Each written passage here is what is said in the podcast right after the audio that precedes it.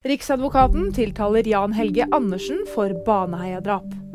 Andersen er tidligere dømt for drapet på åtte år gamle Stine Sofie Sørstrønden, men nå mener Riksadvokaten at han også skal straffes for drapet på ti år gamle Lena Sløgedal Paulsen. De to jentene ble i år 2000 funnet voldtatt og drept i Baneheia. Israel forsvarer seg i FN-høring fredag.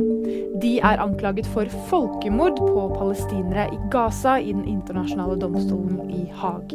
Sør-Afrika la torsdag frem anklager mot Israel, som i dag svarer med at handlingene deres er selvforsvar mot Hamas. Claes Brede Bråten slutter som hoppsjef etter årets sesong.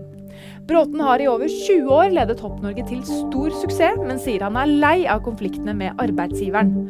Han kritiserer ledelsen i Norsk Skiforbund, som han mener ikke klarer å drive skiaktiviteten i Norge på en forsvarlig måte. Og nyheter finner du alltid på VG.